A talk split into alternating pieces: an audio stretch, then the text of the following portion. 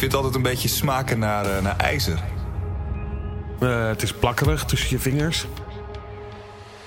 Sommige mensen kunnen er niet zo goed tegen, maar daar heb ik geen last van. Bloed. Het druipt, het druppelt, het sproeit, het spuit, het stroomt en het praat. Tenminste, tegen de deskundigen van het Nederlands Forensisch Instituut. En dan gaat het vooral om de patronen die bloed vormen tijdens een misdrijf. De druppels op de muur, de handafdruk op de tafel, de vlekken in een t-shirt of binnen in een broekzak. Vandaag hoor je de bloedsporenonderzoekers die niet schrikken van een plas bloed, maar er juist op afgaan. Een slag in bloed dat levert een ander bloedspoorpatroon op dan uh, als iemand door bloed loopt of bijvoorbeeld een, een slagadelijke bloeding. Paul van den Hoven, bloedsporenspecialist bij het NFI, verdiept zich al jaren in het gedrag en de patronen van bloed. Zet hem op een plaats delict en in zijn hoofd schetst hij een beeld van wat er allemaal gebeurd kan zijn.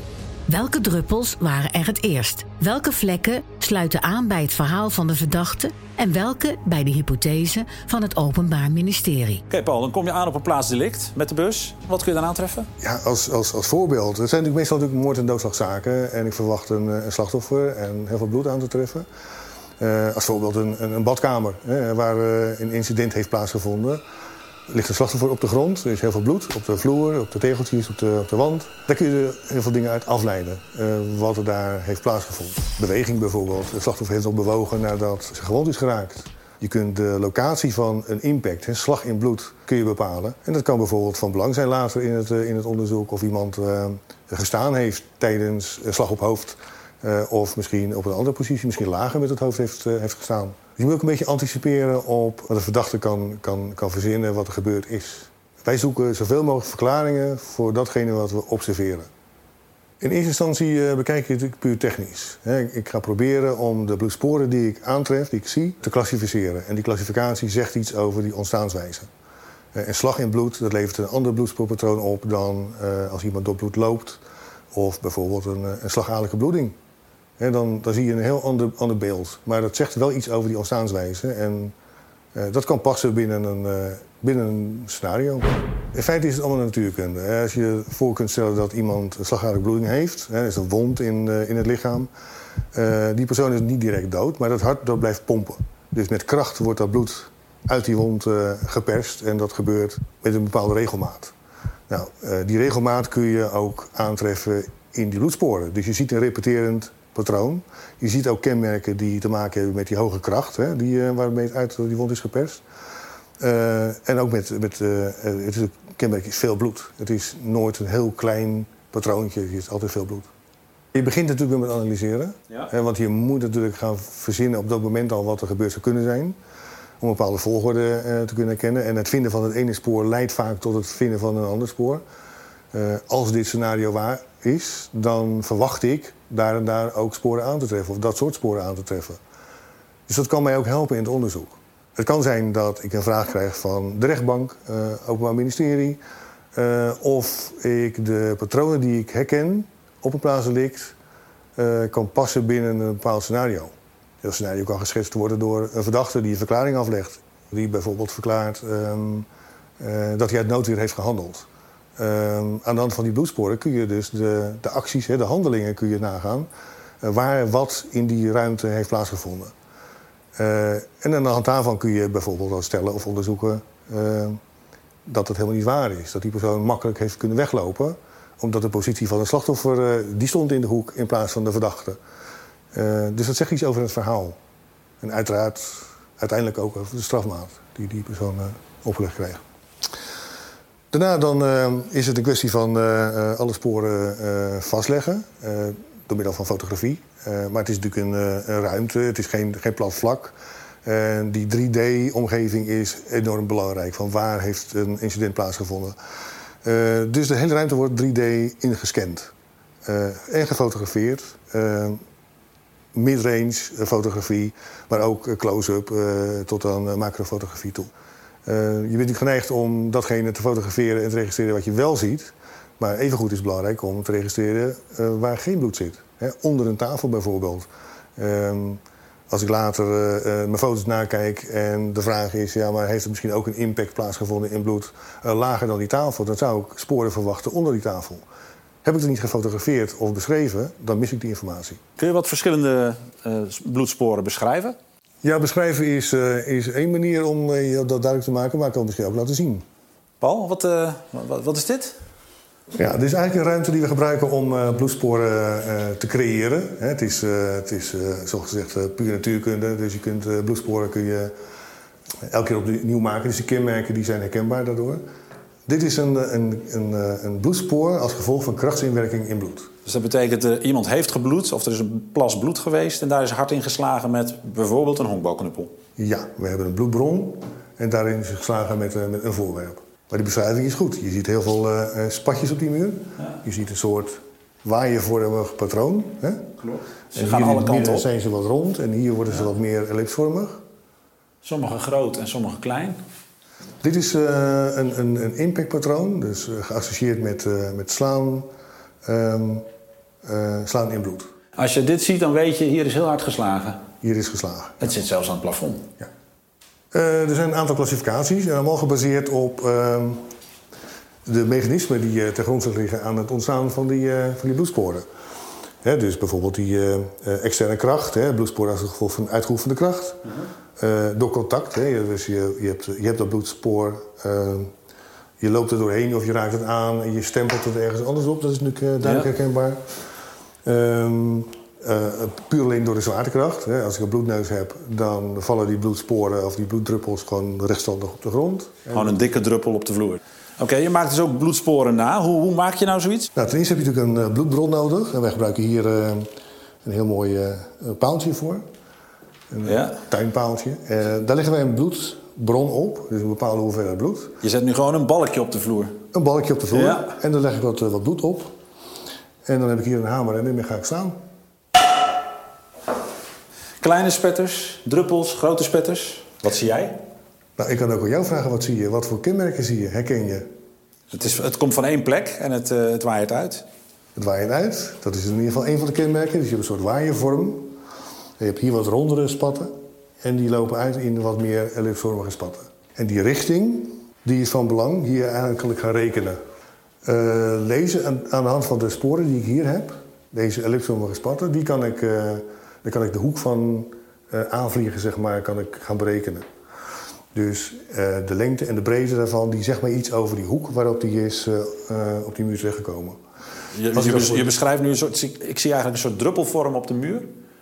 Dus een bolle onderkant, daar heeft de druppel het, uh, de muur geraakt. En daarna is het naar boven uitgewaaid. Een soort staartje. Ja, een soort komeetstaartje, zeg maar. Ja, een soort komeetstaartje. En aan de lengte van dat staartje kun jij zien wat de afstand van de muur was? Eigenlijk aan de, de lengte en de breedte van dit deel. Dus dan kan ik, uh, dat kan ik berekenen. Er zijn bepaalde formules voor. En dan kun je in deze ruimte kun je in een 3D-locatie uh, terechtkomen... van hier heeft ongeveer de impact plaatsgevonden. Ehm, dit lijkt op één slag. Niet altijd weet je het zeker. Als op de exact dezelfde locatie twee keer geslagen is, dan is dat bijna niet goed uit elkaar te houden. Maar het zou ook zo kunnen zijn dat, ik, dat die locatie wel wat verschilt. En dan maakt het juist verschil tussen één slag of twee slagen. En een tweede vorm van sporen, het slagadelijke? Slagadelijke, dan, dat kan ik simuleren. Dus ik heb hier, hier wat bloed van, van een collega. Dus nu spuit ik op de muur in een soort repeterend patroon. De, de, drie losse pulsen eigenlijk. Drie losse pulsen. Die ook heel hard naar beneden zakken. Ja, dit is toch wel dit is een voorbeeld. Ja. He, dit is gesimuleerd. Dus met een wat hogere kracht heb ik dat bloed op die muur gespoten. En je ziet hier zeg maar wat, wat spatten naar buiten toe. Uh, je ziet een grotere hoeveelheid bloed. Je ziet zo'n zo stroompatroon, zo'n flowpatroon. En je ziet het repeterend karakter. Nou, dit is een schoolvoorbeeld van een geprojecteerd patroon... geassocieerd met uh, een slagadelijke bloeding. Dit kun je ook op de grond zien. Dit is op de muur. Ja. Op de grond ziet het er net even wat anders uit. Uh, maar wel herkenbaar. Hieruit concludeer ik dat er een, uh, een, een slagadelijke bloeding heeft, heeft plaatsgevonden. ik wil natuurlijk wel verifiëren of het slachtoffer inderdaad een slagadelijke bloeding heeft. Want voor hetzelfde geld is het bloed van, van iemand anders die gewond is geraakt dan het slachtoffer wat ik hier aantref. Nou, bloed wat op dat moment daar terecht is gekomen, in die situatie zegt natuurlijk heel veel in het verhaal. Als je bloed hebt van de dader, van een vermoedelijke dader, dan, dan, dan, dan, ben, je dan vaak, ben je heel erg warm, zeg maar. Dan ben je vaak spekkoper, ja. Wat is nou typisch iets wat veel mensen niet weten over bloed? Ja, dat is uh, een hele mooie. Want als ik uh, cursisten wel eens vraag van hoe ziet nou een, een bloeddruppel eruit in vlucht? Dus dat beweegt zich door, door de lucht. En teken dat nou is. Dat tekenen ze bijna allemaal een soort een druppelvorm. Met een puntje aan de bovenkant en een, wat bolvormig onderkantje, zeg maar. Alsof het uit de kraan komt. Maar bloedsporen, bloeddruppels in vlucht, die willen eigenlijk altijd een, een bolvorm krijgen uiteindelijk. Als je slaat in bloed bijvoorbeeld, uh, wat, je net hebt gezien, hè, het maken van een impactpatroon, krachtzinwerking in bloed. Uh, dat is een, een, een, bloed, je slaat erin. En eerst ontstaat er een soort film waar je bijna doorheen kan kijken. En heel snel verandert die film in heel veel kleine bloeddruppeltjes. En die bloeddruppeltjes, bolvormpjes, die komen uiteindelijk terecht op een, uh, op een oppervlakte. En dat ziet er dan uit zoals je het gezien hebt. Paul is gespecialiseerd in patronen op bijvoorbeeld de vloer of de muur.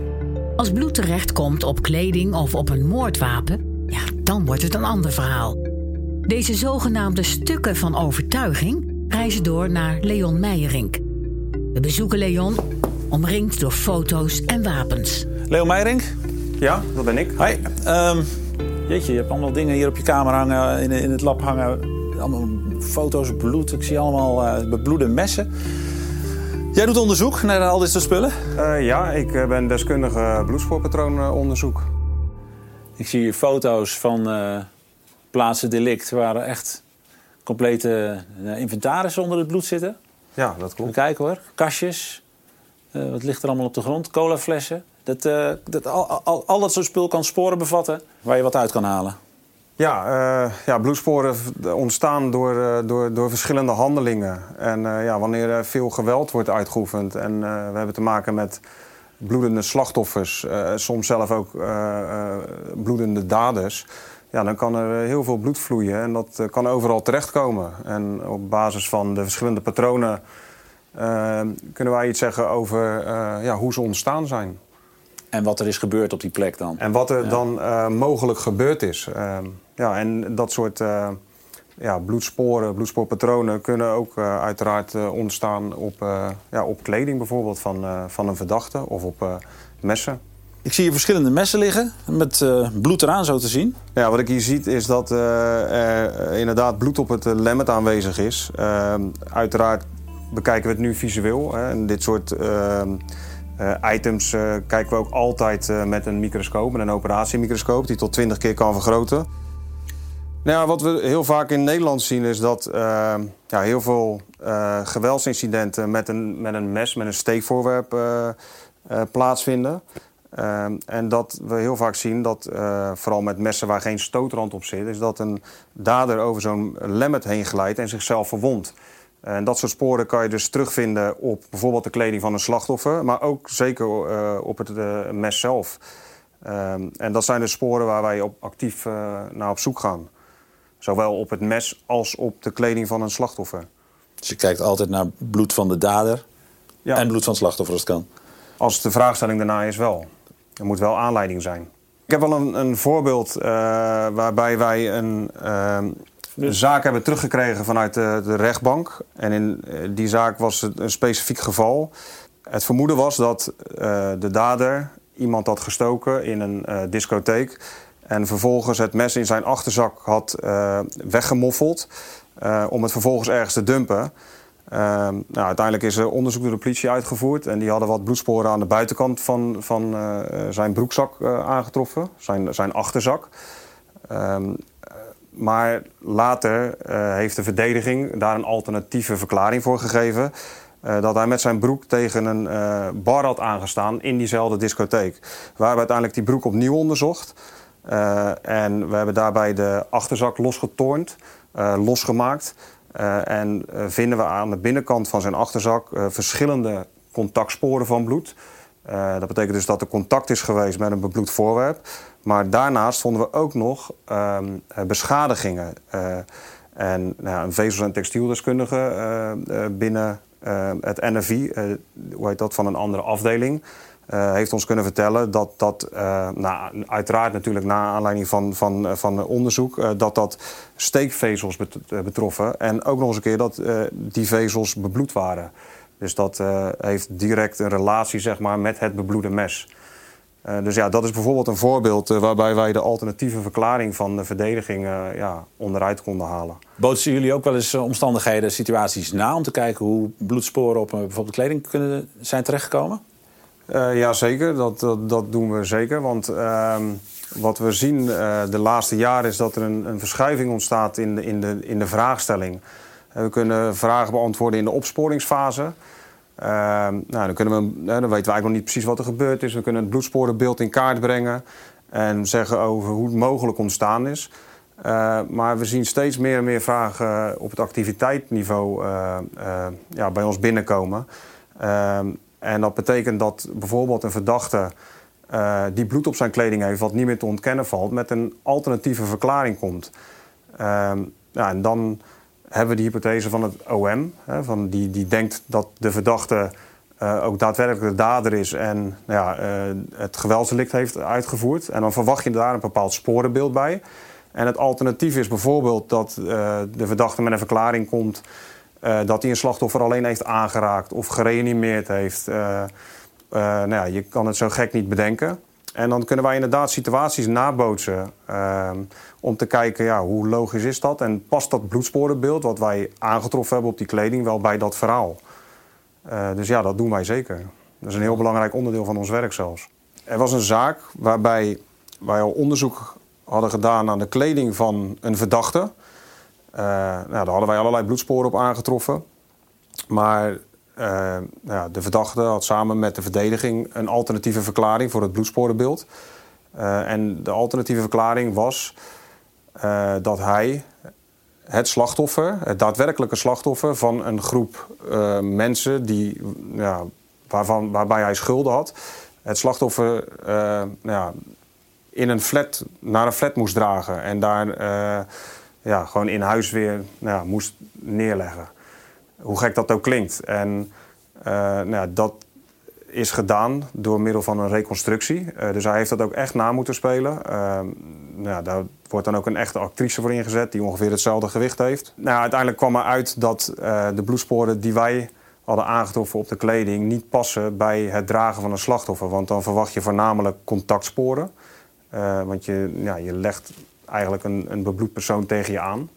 Ehm, en wat wij ook aantroffen zeg maar, op die kleding eh, waren voornamelijk bloedspatten. En die, zijn, ja, die relateren wij aan geweld. Eh, wij zeggen eigenlijk niks over de waarschijnlijkheid van de hypothese. Eh, dat is aan de rechtbank. Maar wat wij zeggen, wij zeggen iets over de waarschijnlijkheid van de bevindingen gegeven de twee hypothesen. Is dat niet een heel leuk stukje van het werk?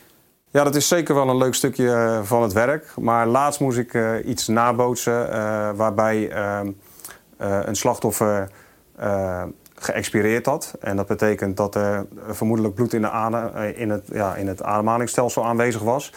Ehm, ja, dan moet ik bloed bij mezelf aftappen, in mijn mond doen en expiratiepatronen maken. En dat is toch wel een minder leuk stukje. Waar ben je vooral eh, trots op? Ik ben trots eh, ja, op het werk wat wij doen. Hè. Dat je als, eh, eh, met, ja, uiteraard met, met het hele team. Maar dat ik als bloedsportpatroondeskundige op basis van eh, de analyse van bloedsporen... Ja, mijn bijdrage kan leveren aan de waarheidsvinding. De meeste mensen kennen bloedsporenonderzoek alleen van televisie, van crime scene series zoals CSI en zo.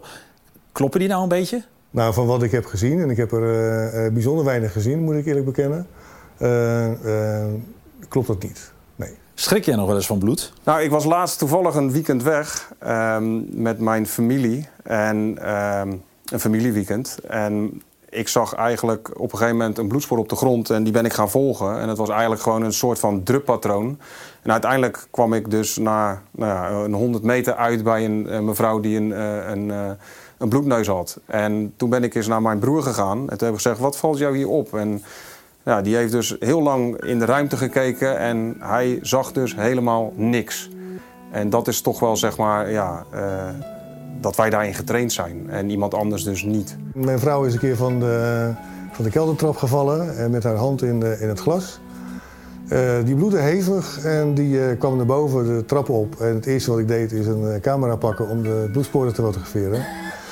Eh, dat hebben we niet helemaal in dank afgenomen, maar eh, we zijn natuurlijk heel snel naar de eerste hulp eh, gereden om daar eh, de boel te laten hechten. Twee bloederige gesprekken. Die maken dat we nooit meer gedachteloos een pleister zullen plakken. Met dank aan de twee deskundigen van het NFI, Paul van den Hoven en Leon Meijering. De Stille Getuigen is een zesdelige branded content productie van NRC XTR in opdracht van het Nederlands Forensisch Instituut. Ga voor meer informatie en voor openstaande vacatures naar nfi.nl/podcast.